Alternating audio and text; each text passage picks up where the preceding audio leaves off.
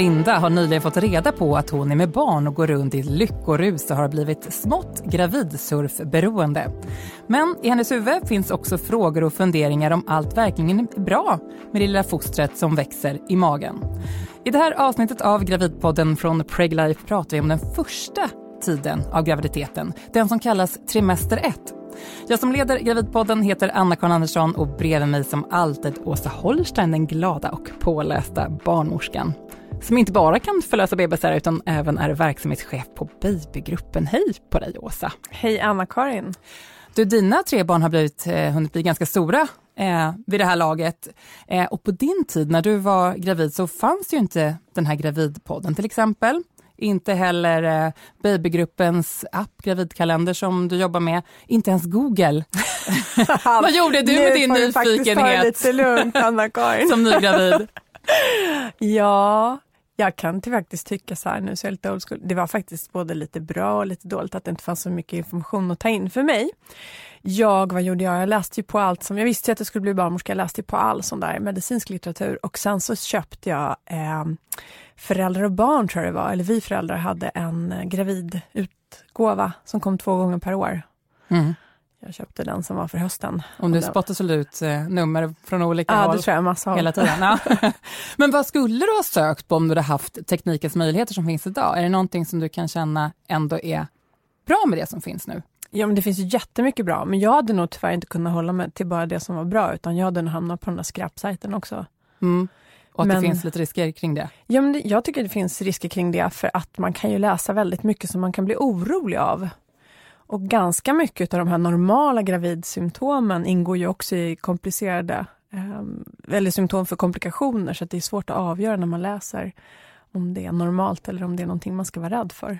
Hur, hur hanterar du nu den här åldersnojan som jag kanske gav dig nu när jag inledde med att kalla dig för stofil. Du, den är permanent ändå. Vi ska ju snart få höra om Lindas eh, tankar. Hon är i den här första trimestern som det här avsnittet handlar om. Och när är det förresten? Vi måste ju reda ut det först. När, när, när är trimester ett? Ja, men det är den första delen av graviditeten fram till vecka 13 plus 6. Mm, bra. Tack där.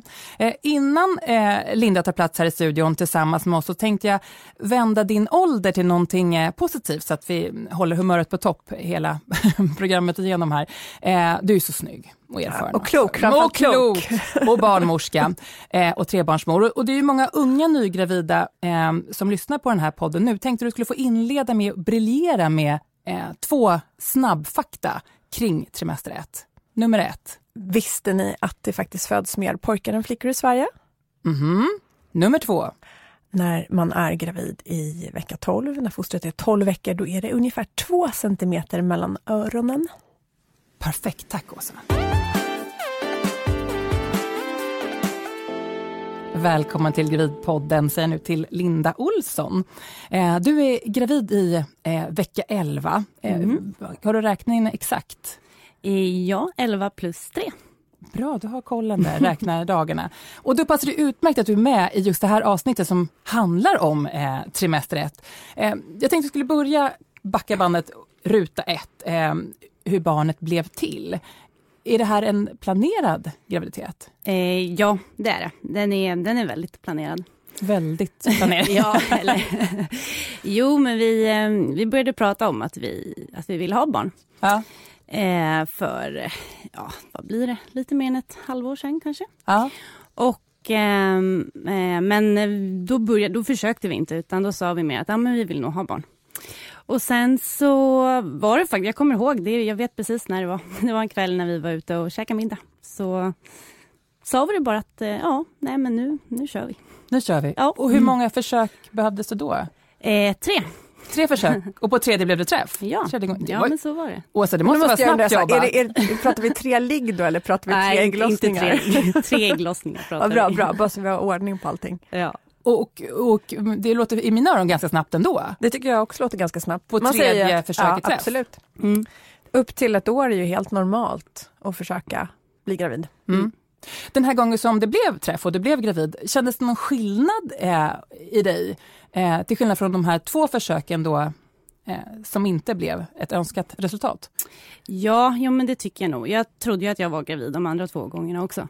eh, jag trodde att jag skulle bli gravid på en gång egentligen. Ja. När vi bestämde oss för att bli gravida. Eh, så både första och andra gången så blev jag, jag blev jätteledsen.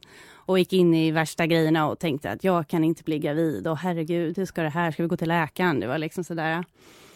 Eh, så när jag, den gången jag blev gravid så köpte jag faktiskt ett sånt ägglossningstest. Eh, min sambo Johan tyckte väl att det var lite onödigt. Men hade tänkt att ja, men det skulle bli så här skönt. Vi blir gravida när, när, när det blir. Liksom. Men på en gång så gick jag in i det här, nej men jag vill ha barn nu. Liksom. Så den gången var det ännu lite mer planerat kan man säga? Att ja, du verkligen hade gjort, ja, det var. du visste ja. när, det var, ja. när det var läge. Men det där är spännande tycker jag, att den där ocoolheten kommer ganska så snabbt när man väl har bestämt sig. Att då är det så här att det finns liksom ingenting egentligen som är viktigare Nej. än att man ska bli med barn. Ja, det var så. Jag trodde verkligen inte att jag, att jag var sån, men det var jag. Mm. Mm. Men, men, tillbaka till den här frågan då. Eh, de här gångerna som du trodde att du var gravid, eller de här första två försöken. Hur, hur kändes det då? Vad var det som gjorde att du trodde någonstans att du kanske ändå skulle kunna vara gravid? Hur kändes det? Vad var det för symptom som du Nej, men jag kände allt. Jag kände att eh, jag hade ont i magen, jag hade mensvärk, jag hade ömmande bröst, jag mådde illa. Ja, allt som egentligen som tyder på att man är, att man är gravid hade mm. jag. Och var det något som skilde mm. de symptomen när det, var, när det som visade sig faktiskt var en graviditet? Ja, jag kan inte riktigt sätta finger på vad, hur, vad det var som var annorlunda, men det kändes annorlunda. Mm. Jag kunde inte dra in magen, kommer jag ihåg. Och då kändes det som att ja, men det är någonting som, som är på gång här. Men då vågade jag inte säga någonting. Jag kommer ihåg att de första gångerna så pratade jag väldigt mycket med min sambo om det här att ja, men nu tror jag att jag är gravid. Men där när det verkligen var på riktigt, då hade jag inte sagt någonting. Nej. Så att jag, nej, jag vet inte. Jag ville nog jag vill inte tro på det. Liksom. Men hur svårt är det att, att skilja mellan eh, den här önskan då, eh, som man kan ha att bli gravid och så försöker man tolka och läsa in att det, det nog är en graviditet till skillnad från när det faktiskt är. är det... Nej, men det kan vara jättesvårt. Det är väldigt psykologiskt. Där. Man, kan ju få, man kan ju bli skengravid eh, och få alla symptom som vid en riktig graviditet. Mm.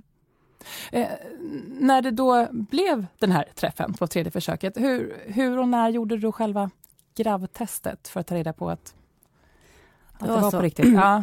Eh, jag, jag gjorde det faktiskt dagen innan jag skulle få mens. Ja. eh, jag hade tänkt att jag skulle vänta eh, för att jag ville vara säker. Och, ja, jag vet inte, det kändes bättre på något sätt. Och sen så var Johan, då, min sambo, han tyckte att nej men 17, nu, nu provar vi. Man kunde ju ta det här tre dagar innan. Eh, men jag hade ändå bestämt att jag skulle vänta.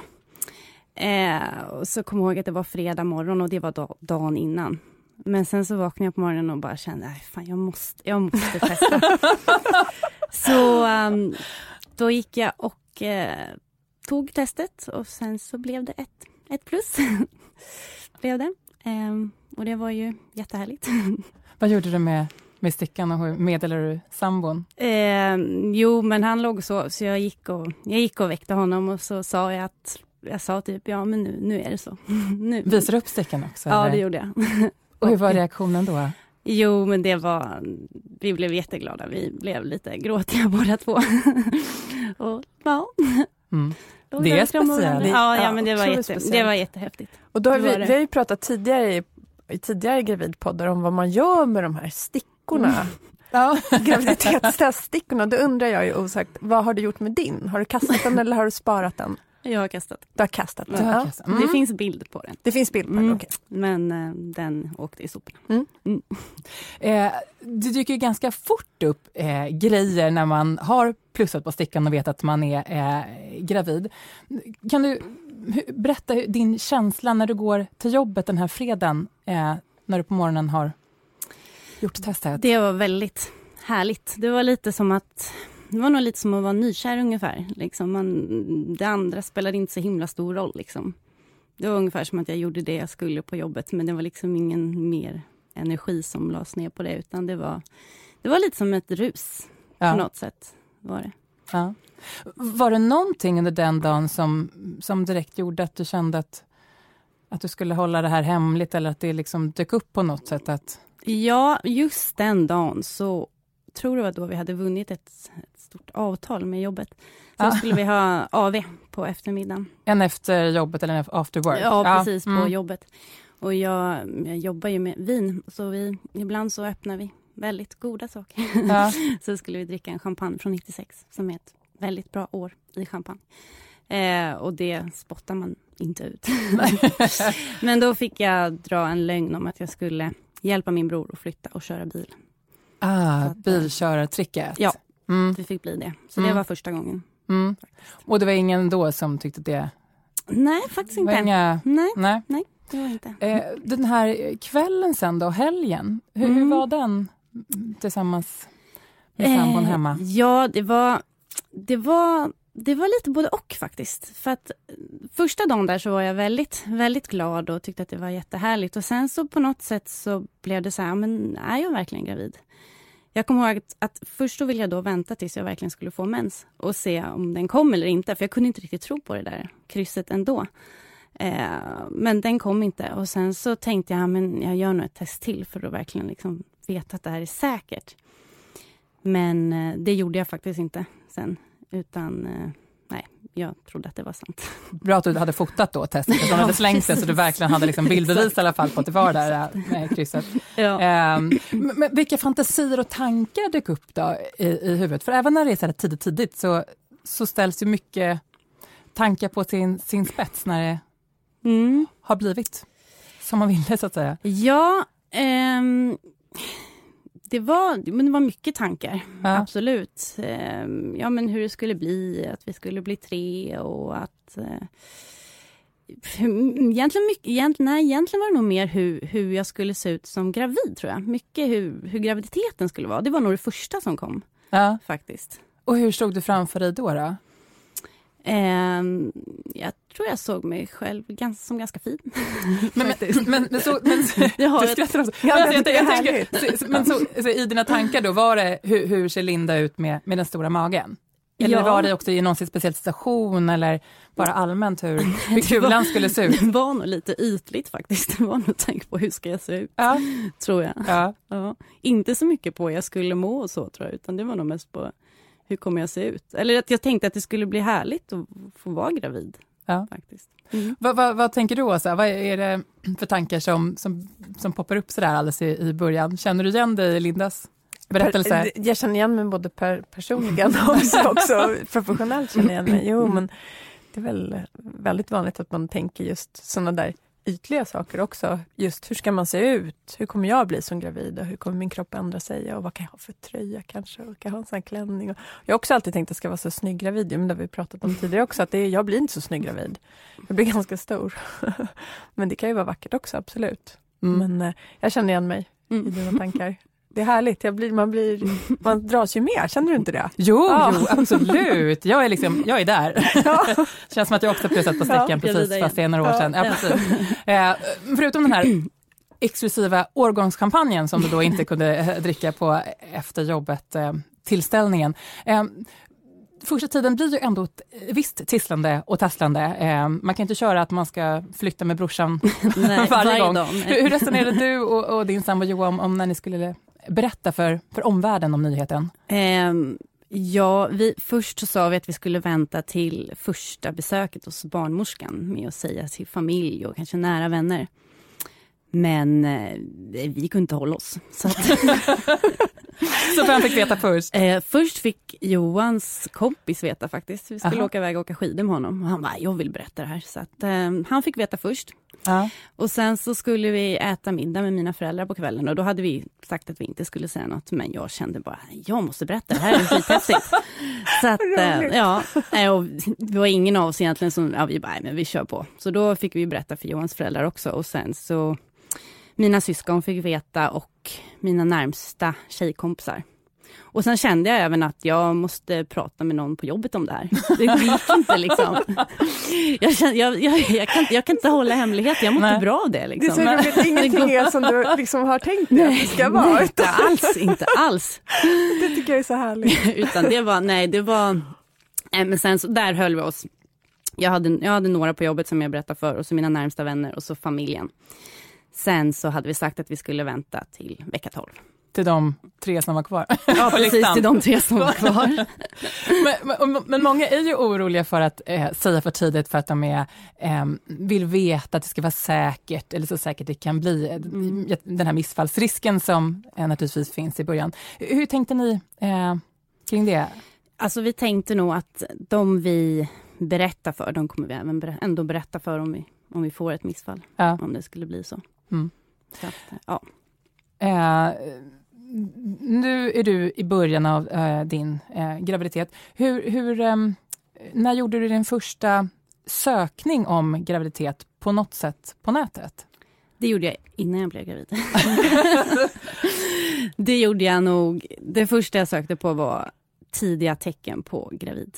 Ja, och då var då du Väldigt tidiga kunde läsa tecken. in att du var gravid på alla, alla försöken? ja, det, alltså, det, från den dagen vi bestämde att vi skulle ha barn. Ja då började jag googla. Jag googlar nästan mer då.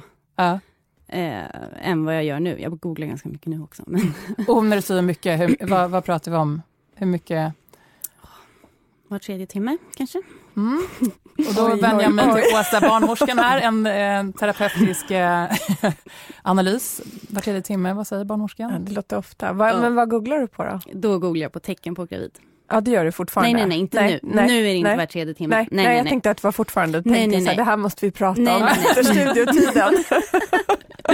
nej det här var innan jag blev gravid. Ja, och sen när jag blev gravid då, då googlade jag inte så var mycket. fjärde timme? Ja precis, ja. var fjärde. Ja, nej då var det inte lika mycket. och vad, vad söker du på nu då när du surfar? Eh, nej men nu är det mycket att jag kollar, jag har två olika appar liksom, mm. så man kan följa barnets utveckling mm. helt enkelt. Eh, det, det kollar jag på.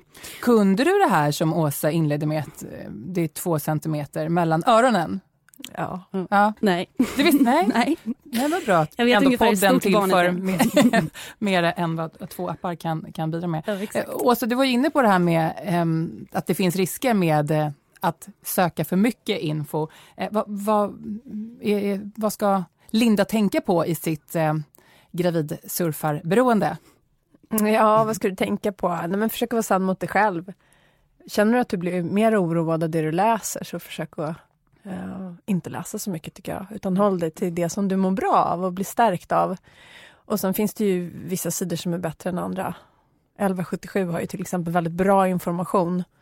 Mm, för detta Vårdguiden, eller Vårdguiden kanske det är fortfarande. Mycket bra information kring graviditet och olika symptom och sådär. Att man hittar sina säkra källor som man litar på. För Det finns också mycket som inte är så um, vetenskapligt där ute. Mm. Mm. Så tänker jag. Och lyssna på Gravidpodden. Ja, självklart, Såklart. alltid. Ja.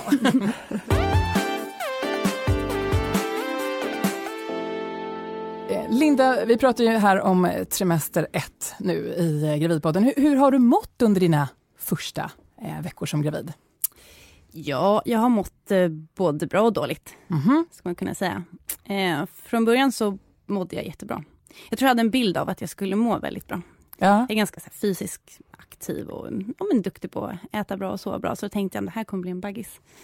Eh, men så har det nog inte riktigt varit. Det började med att jag mådde bra och sen så kom jag in i någon riktig sådär, jag var jättetrött och mådde jätteilla. Och eh, blev ganska sur och ja, Mm. Men du kunde jobba så? Det var inte Absolut. så att du var tvungen att nej, stanna nej, hemma? Nej, jag har jobbat hela tiden. Men var, var det, hamnade du i situationer där du kände att du mådde illa?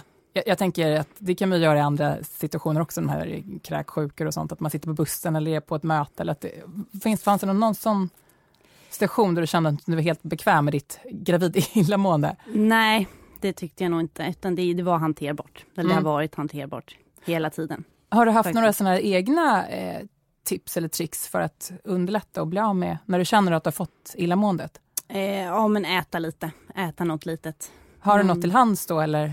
Frukt försöker jag ha med mig mm. hela tiden. Men det, det, hjälper inte riktigt ibland. Ibland kan man känna att man behöver någonting mer som är lite mer, jag vet inte, mättande på något sätt.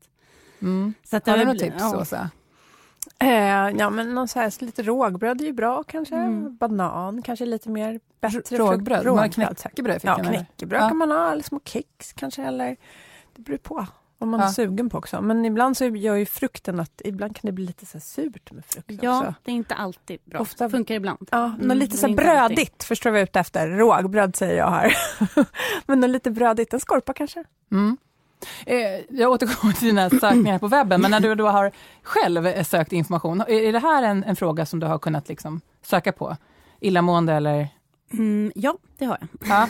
Har du fått svaret? ja, jag, min sambo som blir utsatt för olika grejer. Nej men nu kör vi mycket på att han trycker på mina fötter. Aha. Och jag vet inte om det är psykologiskt eller om det, om det verkligen funkar, men det tycker jag funkar. Ja, och håll fast vid det ja. hela graviditeten. Ja, det låter ju underbart. Ja, för där vill jag faktiskt lämna in en liten brasklapp. Det okay. finns faktiskt några punkter på fötterna, ja, på utsidan av fötterna vid fotknölarna som inte är bra att trycka på under okay. graviditeten innan man är fullgången. Faktiskt kan det göra så att det triggar någonting. Men nu måste vi reda ut, vad, hur ska vi nu göra då? Ja, var, vart är de punkterna någonstans? Ja, men du vet kan fotknölarna vi... på utsidan. Ja men de är inte ja. så sköna att trycka på Nej men ändå. där, runt där får man inte trycka och inte Nähe. så mycket på kanske på tårna heller utan under fötterna går bra. Mm. Jättebra. Under fötterna? Ja och inte så superhårt utan mest under fötterna på trampdynorna. Ja, men då är det safe? Helt safe. Så vi inte, mm. Okej, vi ska hålla oss ja. ja.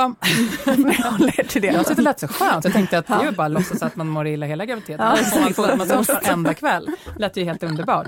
Eh, de här rekommendationerna då, kring vad man får äta och, och dricka och så. Hur, hur har du hanterat det? Har du läst på ja. kring rekommendationerna? Jo, men det har jag. Mm. Absolut. Eh, jag tyckte nog att jag kunde ganska mycket innan sådär för att man haft kompisar som är gravida och sådär. Men jag har absolut varit inne och läst. Mm, det är klart. Har man var tredje timme på nätet så hinner man ju läsa gröna och röda listan. Men är det något av de grejerna som du tycker är, är svår, svårt att avvara?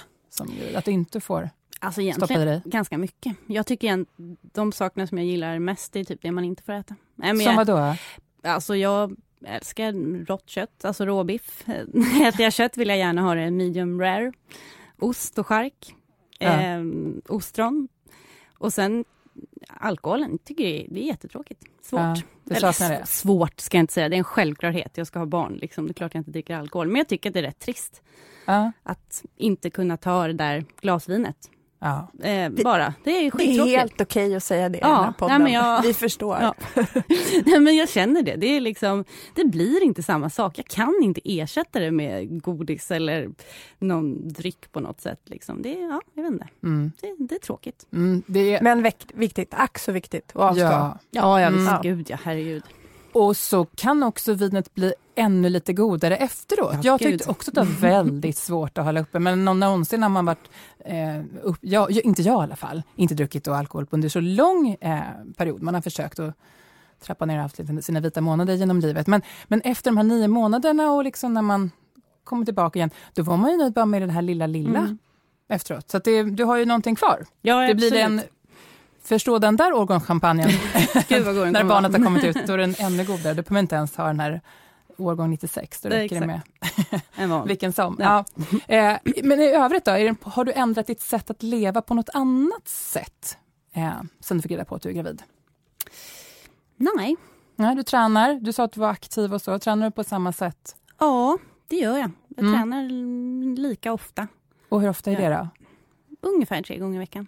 Är det vilken, på in, vilken intensitet? Är det liksom en My, hårdtränare? Nej, nej, det är jag inte. Alltså mycket, mycket spinning kör jag. Och sen så cyklar jag eller promenerar till jobbet. Ja. Nästan varje dag. Och så vad, vad, ska Linda tänka på kring träningen här? Ska hon fortsätta? Ja, jag blir så glad när du säger att du fortsätter att träna. För det är många som blir rädda för att träning ska vara något farligt när man är gravid. Men det är jättebra om man kan köra på som vanligt. Och har man inte tränat så är det ett perfekt tillfälle att börja träna faktiskt. Man kanske ska hålla sig från den allra högintensivaste träningen om man inte är elitidrottare. Men fortsätt precis som känns bra. Men det är ingen typ av träning som Linda ska undvika här, utan hon kan fortsätta med spin, alltså det som Kampsporter och mountainbiking och sådana där sporter där man kan liksom få slag på magen och sådär. ska man undvika, men det som du tränar är jättebra. Just och sen det. kanske du får modifiera din träning lite utifrån kroppens behov när du får en större mage. Det kommer du känna. Ja. Och så kan man lyssna på Gravidpoddens avsnitt som handlar om just bara träning för den som vill grotta ner sig mer i det ämnet.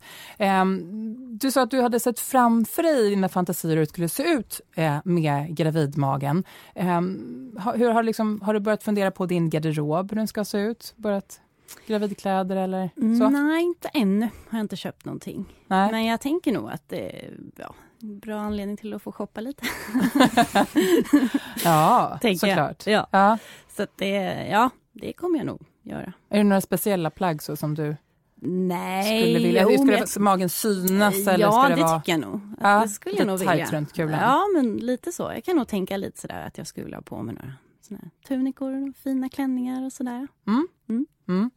Eh, det här första MVC-besöket då, som du egentligen skulle ha väntat med eh, till du berättade för, för omvärlden. har, har, har det besöket blivit av ja, nu? Vi har varit på ett sånt mm. eh, tillsammans. Hur var det då? Det var jättebra faktiskt. Ja. Ehm, fick en eh, väldigt gullig barnmorska ja. som eh, men både jag och Johan kände förtroende för. Så Kändes det viktigt att, att barnmorska skulle vara bra? Ja, men det tycker jag. Jag kunde nog säga att jag var lite, inte rädd, men hade mina så funderingar innan. Eh, jag tycker inte om när att bli behandlad som om man vore liten på något sätt. Jag vet inte, ibland kan jag få, jag har fått den känslan när man går till någon läkare eller något sånt. Som att man är en liten, liten flicka typ. Men mm. här, hon var väldigt bra. Hon mötte mig på, på, på min nivå på något sätt. Liksom. Det var liksom ingen som skulle ha några pekpinnar utan det kändes lite som att hon, hon bara förstod mig. Liksom. Och det var väldigt skönt. Mm. Och så, vad, vad tänker du att man ska eh, tänka på hos, eh, hos barnmorskan? Är, är det någonting som, Eh, som Linda och Johan kan förbereda för att få ut för att maxa den här tiden på de här besöken? För att maxa? Eh, man behöver ju inte förbereda så mycket men jag tycker det är mm, fint det du beskriver i ert första möte där vid inskrivningen. Jag tror att det är viktigt att man känner att man får en, en att man kan connecta till sin barnmorska och att man blir eh, lyssnad på och tagen på allvar på det sättet som, som känns bra för en själv. Man funkar inte alltid med alla människor. Jag vet min första barnmorska, hon, vi funkade inte alls, men jag bytte inte. Jag mm. önskar att jag hade gjort det efteråt. Ja, så det, det är bra. En bra start, att du känner att, eller att ni båda två känner att det är bra. Att det är en bra ton. Ja, men man kan, om man har frågor som dyker upp tycker jag, kan man väl ha någon liten anteckning i telefonen när man skriver ner det, så kan man ta upp det vid nästa besök. Uh, för det är inte alltid när man väl sitter att man kommer på, vad var det nu vi tänkte på? Nej, så blir man lite förvirrad också i den här gravidbubblan. Ja, det blir man så väldigt anteckning, förvirrad. Anteckna var väl ett jättebra Ja, men en liten anteckning. Skriva så små sms till sig själv, glöm ja, inte.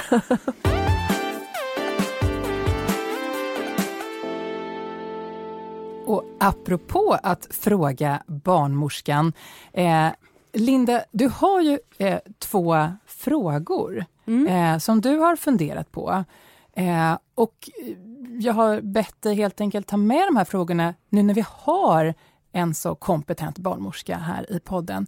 Eh, din första fråga, hur, vad är det för... Åsa, du är beredd här nu och svarar? Ja, jag ska ja, göra mitt bästa, absolut. Ja, mm. Mm kanske lite, lite hemskt, men det är ändå någonting som jag har funderat lite på. Eh, om det nu skulle vara så att barnet skulle dö i magen helt enkelt och, um, och att det inte blir som ett vanligt missfall. Det kommer liksom inget blod utan den, den dör i magen. Mm. Eh, och sen så får man veta det då på, när man gör första ultraljudet. Mm. Kan man ha känningar då efter att barnet har dött? Som gravidkänningar, att man får ont i magen och brösten ömmar och ja. Det du beskriver är det som vi kallar för missed abortion, mm. när barnet dör i magen, men att man inte blöder. Ja, tyvärr skulle jag säga så kan du känna dig lika gravid även fast fostret har dött. Um, för moderkakan är kvar, fostret är kvar och graviditetshormonerna är fortfarande på höga nivåer. Så det är ingen garanti. Mm. En ja. bra fråga tycker jag. ja. ja men mm. det är ju... Ja. Är det utifrån tankar som du själv har nu ja, absolut. Mm. Absolut. Så mm. jo, men man, jag känner en, en, en liten oro mm. innan, man, innan man har sett att, att det lever. Helt enkelt. Och att mm. man inte får alltid de signalerna eller tecken på som, som skulle kunna tyda på att barnet faktiskt inte, eller fostret har överlevt. Ja, precis. Mm. Ja. Mm. Eh, vi ska komma in mer på eh, de här frågorna kring, kring testerna. Eh, vilken är din andra fråga, Linda, till, till Åsa här? Jo, det handlar om när man ska ta reda på vilket kön eh, barnet har. Hur ofta ser man fel? Jag har hört om det två gånger. Att, att man faktiskt har sagt fel kön än vad det, som, vad det blir när det väl kommer ut. Mm. Att barnmorskan har sagt ja, fel precis. efter ett ultraljud helt enkelt? Ja, och sen och så, har det blivit... blivit ja. ja. Mm. Det har inte blivit det hela tiden varit, det där felaktiga ja, könet. men ja, men det beror ju på. Eh, där jobbar ju ultraljudsbarnmorskorna lite olika. En del eh, säger aldrig vid det tidiga ultraljudet vad det är för kön för att det är svårt att se. Man brukar ofta säga att man är som säkrast då vid rutinultraljudet runt vecka 17. Så det är klart att det finns en felmarginal. Um, och eh, flickfostret har ju ganska stora blygläppar som man kan missta för en pung. Och ibland kan det vara navelsträng som ligger mellan benen. Och har man inte som ultraljudsbarnmorska haft en så perfekt vy där barnet ligger lite så här med benen eh, så är det klart att man kan se fel. Mm. Men det är då vid, en vid ett, tid, ett tidigt ultraljud? Det. Även vid det sena ultraljudet. Jag menar, det finns ju alltid eh, det är en bild. Det finns ju alltid felmarginaler. Det finns ju i det här med att vara gravid, precis som din förra fråga. Det finns inga garantier för någonting. Och Det är det som gör att det kan vara väldigt jobbigt. Mm. Men det går alltså att se fel. Det är inte jättevanligt. De är oftast väldigt duktiga på att se vad det är för kön. Men det är ju ingen, eh, inget hundraprocentigt. För att veta exakt vilket kön det är så behöver man ju ta ett fostervattenprov. Mm. Eh, ja, jag tänker att, att eh, det också finns de som inte aktivt väljer att ta reda på eh, könet, men som säger sig efter att ha sett eh, alltså en egen liksom, hobbyanalys utan att vara barnmorska, säger sig veta om det är en flicka eller pojke. Hur, hur har, de, har de rätt, tror du, Åsa? alla 50 chans. det är sant. Så sant. Ja. Eh, du Linda, båda dina frågor här eh, berör ju eh, ultraljud lite grann på ett sätt. Då. Och då undrar jag hur du funderar kring det, för det, det ligger nära nu för dig att göra eh, det här första kubbtestet om ni ska göra det, mm. antar eftersom det är vecka 11. Ja, vi ska göra det eh, om fem dagar. Om fem dagar. Mm. Och, och hur har ni tänkt kring det? Var det självklart att ni skulle göra det testet? Eh, ja, vi visste nog inte att man, att man skulle, kunde göra ett sånt test. Eh, men när hon frågade det så kände vi båda två att vi ville göra det. Mm. Åsa, vi har tagit upp det här i tidigare poddavsnitt eh, i andra sammanhang. Men, men för säkerhets skull, vad, vad är det här kubbtestet? Jag vill börja med att säga att nu är vi ju i Stockholm och spelar in podden här. Och det ser inte riktigt likadant ut i hela riket. Så att i alla landsting så erbjuds man inte det om man inte är över 35 år eller uppfyller andra kriterier. Eh, men det här kubbtestet är ett kombinerat ultraljud och blodprov som man tar i tidig graviditet. Eh, och det är valfritt och det är fosterdiagnostik. Eh, och det säger egentligen ingenting mer än att det ger en siffra på sannolikheten för hur stor är sannolikheten att det här fostret har antingen Downs syndrom eller två andra väldigt ovanliga kromosomavvikelser, trisomi 13 eller trisomi 18. Mm. Så du får inte veta om det har något av det här, du får en sannolikhet.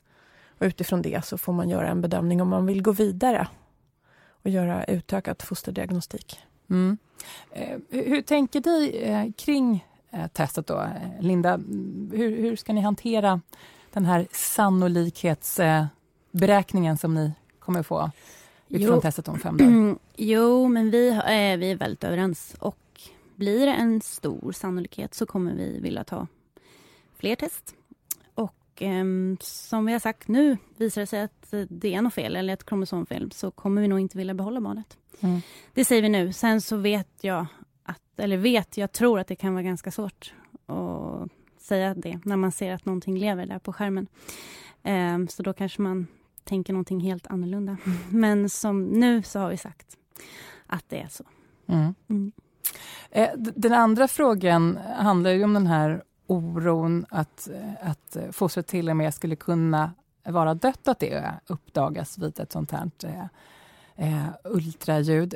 När, när du nu, om fem dagar eh, går och gör testet, eh, vad, vad har du för känslor då, tror du? Hur tänker du?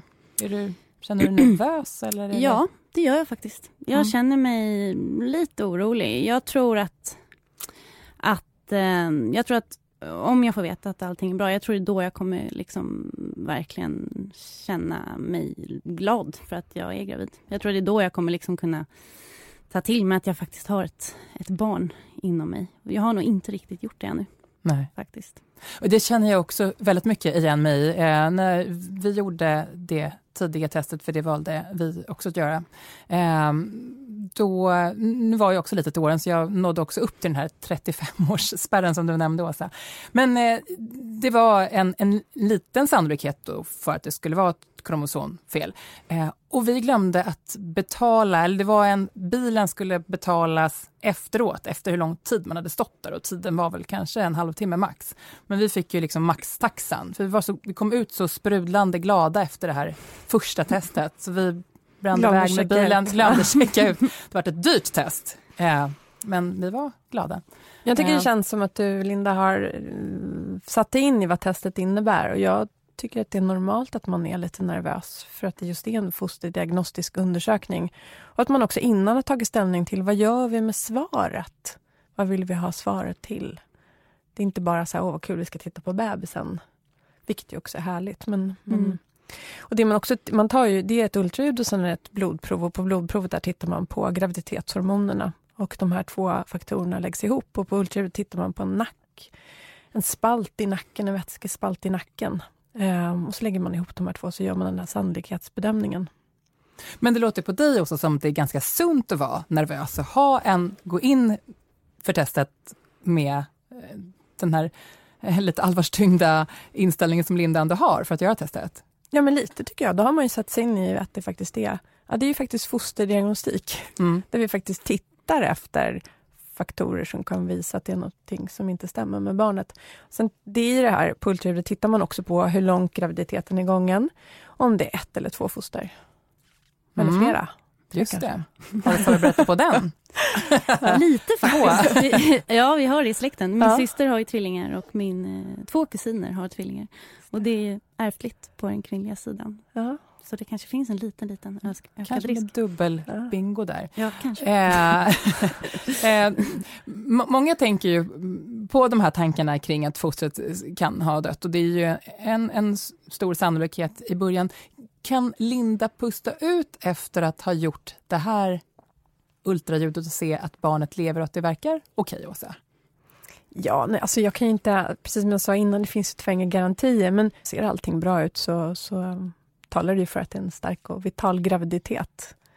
Mm. Och när vi är inne på det här med ultraljud, även om vi inte är där än, men, men när vi kommer längre fram, har, har, ni också funderat på om ni ska ta reda på om det är en flicka eller pojke som växer där inne?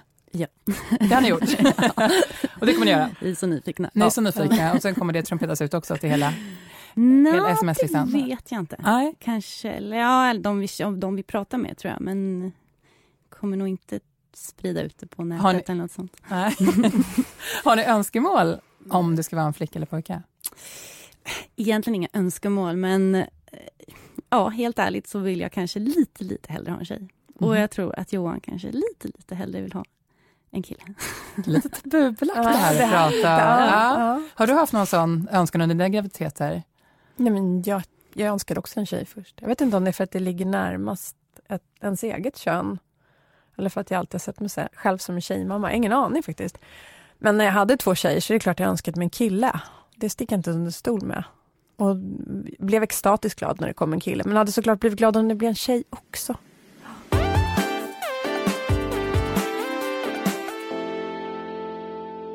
Mm, det handlar om trimester 1 och du är då i början av din graviditet som det just handlar om trimester 1, Linda. Men jag tänkte att vi skulle blicka lite, lite framåt också.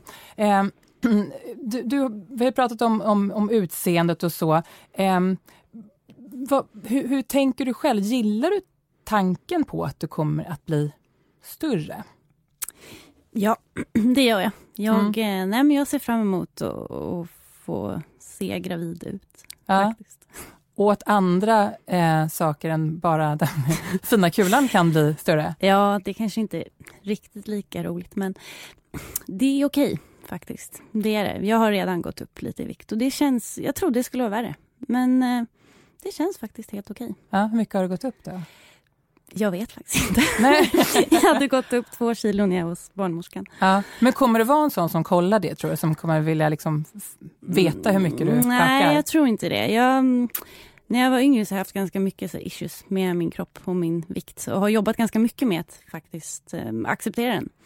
Eh, och det känner jag, eh, det är väldigt, det, nu är jag glad för det. För att eh, nu accepterar jag min kropp mycket, mycket mer än vad jag gjort förut. Mm. Så jag tror att det kommer gå väldigt bra faktiskt. Mm. Är det bra? Stå för lite eller för mycket på vågen? Vad bra att du delar med dig av det tycker jag. tycker det var jättefint. Um, jag tror inte du ska stå så mycket på vågen då utan... Nej, jag har ingen våg. Nej, jättebra. utan liksom ta det för vad det är. Försök att äta nyttigt och rör på dig och så min erfarenhet är att när man får problem eh, är när man inte har tagit tag i ätstörningar och så blir gravid. Men om man har bearbetat dem innan så kan det precis faktiskt vara tvärtom. Att man får en helt annan eh, respekt för sin kropp under graviditeten efter man har fött barn än man haft tidigare. För då har man varit ganska elak mot sin kropp oftast under ätstörningsperioden. Så för en del kvinnor kan det vara helt svänga faktiskt. Mm. Man får som en mental frizon när man är gravid. Um, och bara tycker att kroppen är bra, kanske för första gången i livet. Sådär på riktigt bra. Mm. Eh, även om eh, vågen då har fått flytta ut eh, från ditt hem, Linda, eh, är det någonting som, som hon ska tänka på kring eh, hur hon utvecklas och utvidgas eh, det är väl klart att det är bra att inte gå upp allt för mycket vikt, men jag vet inte, vet, ibland så tror jag också att vissa kroppar behöver gå upp lite mer i vikt. För att klara av amningsperioden sen. Så att, ja, försöka äta sunt om det går. Det låter som att du är sugen på sunda saker. Du har frukt i väskan och det är inte så pommes frites och kebaber. Det är, det är både och. och. Vilket också låter sunt i mina öron. Men må bra, försök att må bra. Försök att, när du har gjort det här testet, försök att njuta av graviditeten och försök att vara glad i det. Um, har, har, du många kompisar som, som är gravida eller som har barn? Ja, det är ungefär hälften skulle jag säga mm. som har och hälften som, som inte har. Ja. Ha, ha, har du inspirerats eller influerats på något sätt av de kompisar som då blivit gravida före dig eller som har fått barn redan? Mm, nej, det tror jag inte. Utan det är nog mer, jag har alltid velat ha barn själv och det har nog inte spelat så stor roll om de har barn eller inte har barn utan utan nej, det har jag inte. Har du frågat ut om dem nu då, på något sätt? Ja, nu, kan, ja, nu kan, ja, nu kan jag nog mer känna, fan ska inte ni också ha barn? Jaha, de som inte har? Ja, precis. Ja. ja. exakt. Och de som har barn då, ställer du frågor till dem också? Om, eh, ja, Kände ni så här? Hur ja, men lite. Absolut. Mm. Det, det, det är väldigt bra, tycker jag. Mm. Eh, eh, utöver eh, närmsta kompisgänget, eh, har du tänkt någonting på hur förberedelser och sånt inför graviditet och förlossning och faktiskt föräldraskap som, som kommer i slutändan kan jag meddela. Ja, ja jo men det har jag. Ja. Absolut. Det är, det är lite till och från. Det är lite det här svävande mellan att eh, att jag är lite orolig och inte vill tänka för mycket och ibland så kan jag faktiskt gå in i det där helt också och tänka på ja, hur det kommer bli, vad jag ska ha för vagn och hur vi ska uppfostra vårt barn och ja, massa sånt. Ja. Har, har, du tänkt på något speciellt kring förberedelser? Är det någon alltså kurser eller litteratur eh, eller så som du tänker att du skulle må bra av? Vill gärna gå på profylax. Aha, varför det? Tycker det verkar häftigt. Mm, och nu skiner Åsa upp som en stor sol. Så nöjd ut! Jag ser så nöjd ut. I love profylax. Varför? Varför gillar du den tanken, Åsa? Nej, men jag tycker profylax är en helt grym förlossningsförberedelse om man känner att man vill gå någon kurs där man får lite bättre redskap för att förbereda sig mentalt och träna andning och avslappning. Mm. Som ju faktiskt eh, verkligen hjälper när man föder barn. Nu är Linda tidigt här i vecka 11. När ska man sätta igång då med träningarna? Eller med den typen av men först måste ju du komma över den här perioden som du är i nu. Den här första delen, den här första trimestern som du är i. Den präglas ju väldigt mycket av det som du ger uttryck för, den här ambivalensen. Oron och inte riktigt våga lita på att det ska bli och så här lite magiska tänkandet. Man får inte tänka för mycket på det för då kanske det inte blir och så kan man inte låta bli. Och så tänker man, ja. så det där kommer komma naturligt. Eh, och någonstans runt eh, Profylax är ju jättebra att gå någonstans mellan vecka 32 kanske 36. Men så lite sent? närmare. Ja, ja. Mm. Då är det fortfarande ett, ett gäng veckor innan det är dags att föda barn så man hinner öva och liksom hela tänket hinner landa igen. Men det har ändå kommit så nära att de här tankarna på förlossningen är mer aktuella. De mm. kommer mm. mot slutet där i den sista trimestern. Något annat då som Linda ska tänka på?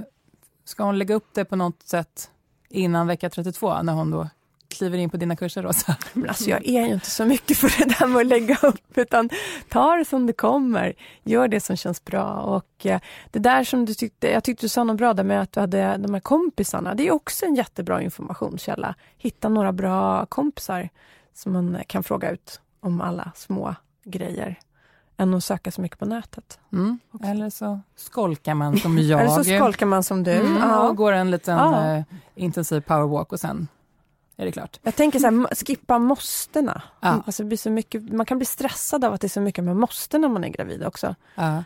Men, men de här tankarna som kommer direkt när man vet att man är gravid, det går ju inte att komma ifrån. Och du var inne på själv att man, trots att man inte vill tänka för mycket så har man varit inne där och ja. tittat lite barnvagnar och så. I, i ert hem nu, mm. um, hur, hur rumsterar ni om för att eh, tänka ja. in i att det kanske kommer en liten familjemedlem här om ett par månader? Det har, det har, oh, gud, det är både upp, det är upp och ner hela tiden med det där. Ja. det är nog, först var det mycket andra tror jag som sa, men då måste ni flytta, när de fick höra att vi skulle få barn. Vi bor i en ganska liten tvåa.